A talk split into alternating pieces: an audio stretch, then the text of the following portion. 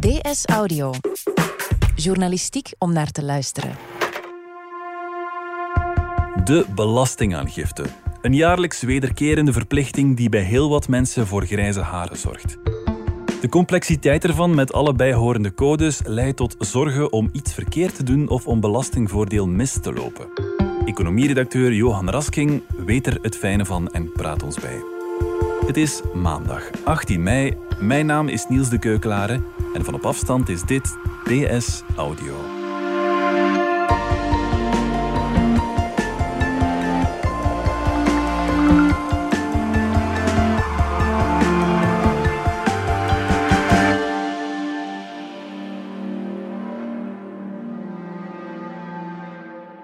Dag Johan. Zo'n 7 miljoen mensen in ons land moeten binnenkort hun belastingaangifte voor 2019 indienen.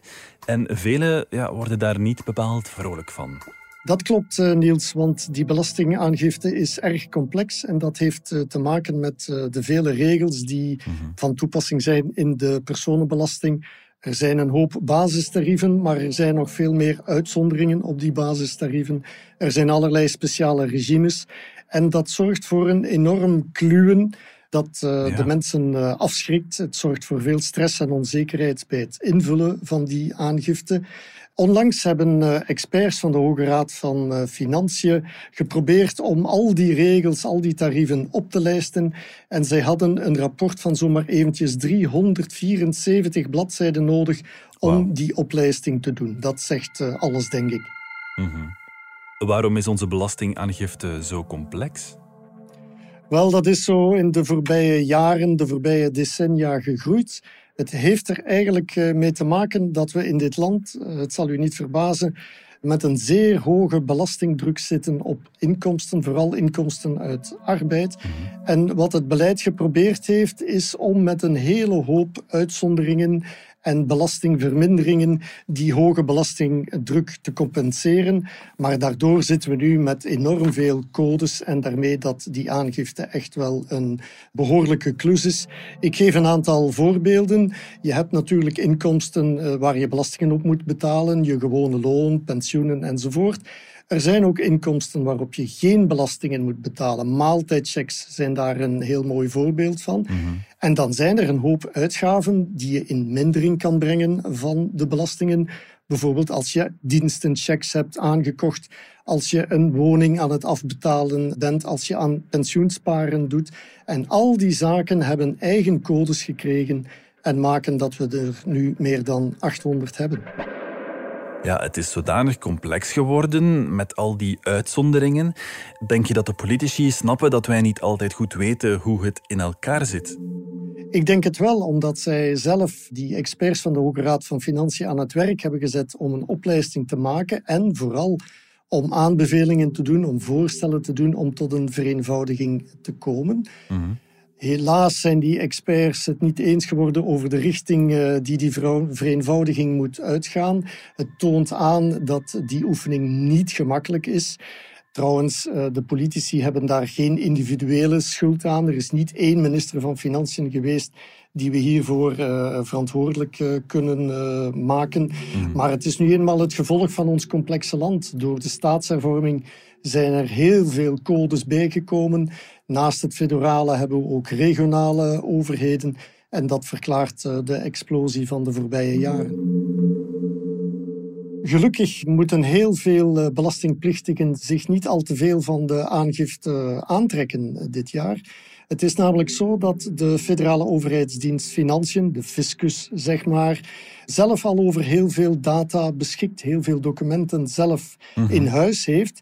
En dat maakt dat niet alleen op Texon Web al veel codes vooraf zijn ingevuld, maar dat zelfs voor 3,9 miljoen burgers de, de aangifte helemaal is ingevuld. Ja, okay. Dus die mensen moeten uh, zelf geen uh, moeite meer doen.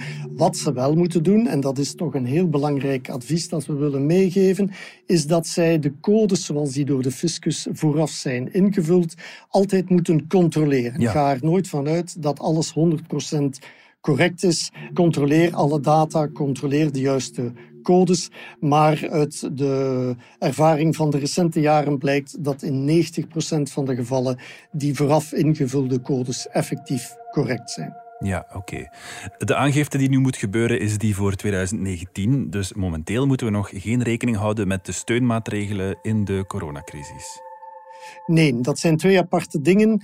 Um, het is de aangifte die we nu doen. We zijn nu in 2020, maar je moet altijd een jaar terugtellen in de belastingen. Dit gaat over de inkomsten en uitgaven van 2019. Dat was pre-corona. Toen hadden we nog niet met eh, deze crisis te maken, dus ook niet met eh, de uitzonderlijke situatie. Dus daar moet je geen rekening mee houden. Mhm. Waar je ook geen rekening mee moet houden, is met de veelbesproken afschaffing van de woonbonus. De Vlaamse regering heeft de woonbonus afgeschaft, mhm. maar die afschaffing is pas ingegaan op 1 januari van dit jaar. Dus voor deze aangifte heeft dat ook geen belang.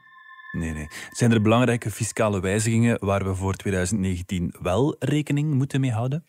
Eigenlijk niet zoveel. Eh, er is eigenlijk één nieuwigheid die van belang is. Dat is dat als je een polis afsluit voor een rechtsbijstandverzekering, dat je die premie nu ook uh, kan gebruiken om een belastingvermindering te krijgen. Maar dat is zo ongeveer de enige echte nieuwigheid. Ja. Dat betekent niet dat er evenveel codes zijn dan vorig jaar. Gelukkig zijn er 18 codes minder, maar ook dat zijn vooral technische aanpassingen. Die hebben niet echt iets te maken met een bewuste vereenvoudiging van het uh, aangifteformulier.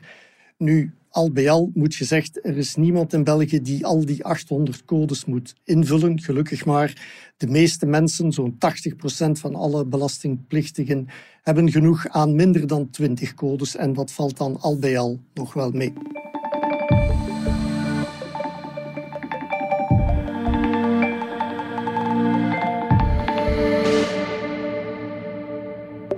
Heel wat mensen maakten de afgelopen jaren gebruik van de hulp die de federale overheidsdienst Financiën aanbood voor het invullen van die belastingbrief.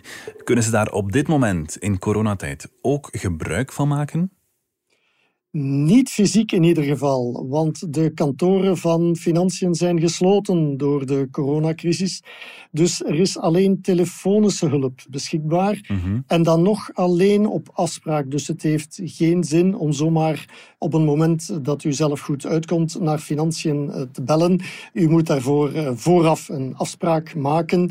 Die telefoonnummers zijn eh, beschikbaar op de website van financiën en worden ook meegestuurd met de brieven die de mensen toekrijgen deze dagen. Nu, het feit dat er niet naar kantoor kan gegaan worden, is toch niet onbelangrijk, want vorig jaar deden 600.000 burgers dat wel. Mhm. Dus het is toch een belangrijke aanpassing die Financiën dit jaar moet uh, toepassen. Ja. Hoe bereidt het ministerie van Financiën zich daarop voor om die toestroom van oproepen allemaal te kunnen verwerken? Wel, volgens uh, de federale overheidsdienst Financiën zullen meer dan duizend ambtenaren aan de telefoon zitten de komende dagen en weken om al die uh, telefonische afspraken te honoreren. Ja. De overheidsdienst heeft ook al proactief ingegrepen en heeft de voorbije weken zelf al meer dan 50.000 mensen gecontacteerd om een afspraak te maken. Het ging om mensen waarvan ze eigenlijk konden weten dat die weer hulp zouden nodig hebben, mhm. omdat zij de voorbije jaren zeg maar vaste klant waren ten kantoren. Maar het zal dan nu ook voor hen telefonisch moeten gebeuren. Ja. Nu, gelukkig, er is niet alleen de overheid om u uh, hulp te geven. Wij bij de Standaard proberen ook ons uh, deeltje te doen met een uh, lijvig dossier in de krant en ook online. En wij hebben ook experts van Kluwer, Wolters Kluwer, beschikbaar staan die op lezersvragen online kunnen antwoorden. Zijn er op dit moment al veel vragen binnengekomen bij jullie? Wel, die oproep is nog maar enkele dagen geleden uh, op eh, DS Online geplaatst. En we hadden na drie, vier dagen toch al 150 lezers binnengekregen die mhm. een, uh, een soms hele specifieke vraag hadden, soms een meer algemene vraag. Die worden dan allemaal naar de experts van Kluwer doorgespeeld, die onder leiding van Chef Wellens, een befaamde fiscale expert in ons land, proberen om antwoorden te geven. De hmm. meest relevante antwoorden worden online geplaatst. Een van die dingen waar sprake van was, is uitstel van het invullen van die belastingbrief. Dat is er nu niet gekomen, ook niet in deze uitzonderlijke coronatijd. Uh, waarom is dat? Inderdaad, eh, fiscale experts hadden eigenlijk uitstel verwacht, of uitstel in de zin van een verlenging van de normale indieningstermijn tot zeg maar het eind van de zomer of zelfs tot eh, in het eh, najaar. Dat is niet gebeurd. De mhm. deadline voor wie Texon Web gebruikt ligt op 16 juli.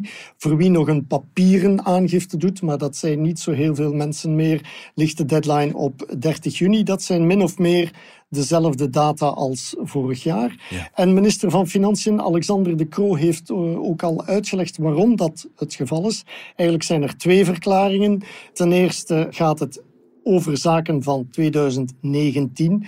En de meeste documenten en attesten zijn daarover al beschikbaar. Mensen moeten daar niet meer op wachten. En ten tweede zegt minister De Croo, als we de termijnen zouden eh, verlengen en dus mensen meer tijd zouden geven om hun aangifte in te dienen, dan zal het ook veel langer duren vooraleer die mensen eventueel geld terugbetaald krijgen door de fiscus. Het is zo dat meer dan de helft van de mensen die nu een aangifte indienen, binnen enkele maanden nog wat geld terugbetaald krijgen.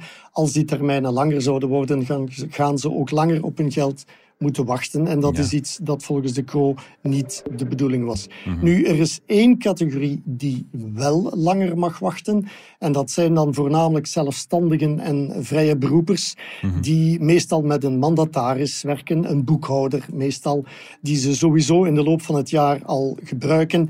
En zij krijgen de tijd tot 21 oktober.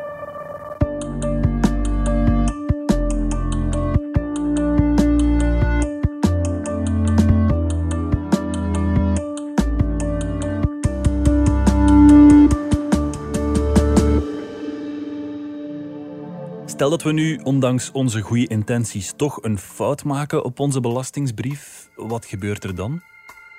Eigenlijk is uh, dat geen probleem als je die fout zeg maar min of meer uh, nog tijdig ontdekt. Dus niet uh, pas in oktober van dit jaar, maar laat ons zeggen volgende week of even later als je de aangifte nog eens checkt. Mhm. Iedereen die Texon Web gebruikt, heeft automatisch de kans om eenmaal de aangifte te corrigeren, gewoon opnieuw te ondertekenen en terug te verzenden. Daar zijn geen verdere boetes of andere problemen mee gemoeid. Allicht zijn er uh, een hoop mensen die zich afvragen of ze effectief wel de aangifte juist hebben ingevuld mhm. en of ze geen fouten hebben gemaakt, of ze geen boete zullen krijgen als ze een fout hebben gemaakt. Dat is één categorie. Je hebt natuurlijk ook een andere categorie die misschien wel schrik heeft om een of ander voordeel niet te hebben aangekruist en dat voordeel dan ook mist lopen. Maar goed, de ervaring leert dat zelfs wanneer je een voordeel niet aanvinkt, maar de fiscus over die informatie beschikt, dat je toch het voordeel toegekend zult krijgen. Ja, en stel dat we dat na die periode doen, denk je dat de overheid dan milder zal zijn, omdat we mogelijk ja, omdat we eigenlijk beperktere hulpbronnen hadden in deze coronatijd? Of is dat niet eh, helemaal het geval? Daar is uh, voorlopig geen sprake van. Ik denk ook niet dat we daar uh, veel heil van moeten verwachten. Precies omdat het over inkomsten en uitgaven van 2019 gaat. Dus ik denk dat daar de gewone regels zullen toegepast worden. Elk jaar zijn er x tienduizenden mensen die geen aangifte doen, die dat vergeten of die dat bewust uh, niet doen, in de hoop dat de fiscus hen uh, vergeet. Maar dat is meestal niet het geval. En zij zullen dan bij een laattijdige aangifte wel degelijk een boete kunnen oplopen. Nu, de aangifte volgend jaar die we in 2021 gaan invullen over de inkomsten en uitgaven van dit jaar, dat zal een heel andere zaak worden. Mhm. Daarover heeft minister De Croo al toegegeven dat dat een hele grote uitdaging zal worden om de uitzonderlijke situatie die we nu beleven. Veel mensen hebben inkomensverlies, zijn tijdelijk werkloos geworden. Heel veel mensen staan ook voor uitgaven die ze anders niet zouden hebben. Um, dat dat voor de aangifte van volgend jaar wel degelijk om andere regels zal vragen, maar die zijn voorlopig niet aan de orde. Nee, dat zijn zorgen voor volgend jaar, denk ik dan. Inderdaad. Johan Rasking, dankjewel. Graag gedaan. Dit was DS Audio. Heb je een vraag over jouw aangifte? Neem dan een kijkje in ons uitgebreid dossier of stel jouw vraag aan een expert op standaard.be-belastingaangifte. Wil je reageren op deze podcast? Dat kan via dsaudio.standaard.be. In deze aflevering hoor je Johan Rasking en mezelf Niels de Keuklaren. Ik deed ook de redactie, de eindredactie gebeurde door Anna Korterink. Pieter Schrevens deed de audioproductie, Brecht Plasgaard schreef de muziek die je hoorde in deze podcast. Chef audio is Wouter van Driessen. Vond je deze podcast interessant? Weet dan dat je er elke werkdag één kunt beluisteren. Dat kan via de DS Nieuws app of via standaard.be-audio. Je kunt je ook abonneren via iTunes, Spotify of de podcast app van je keuze. En als je daar dan toch bent, schrijf gerust een review. Zo toon je ook anderen de weg. Morgen zijn we er opnieuw.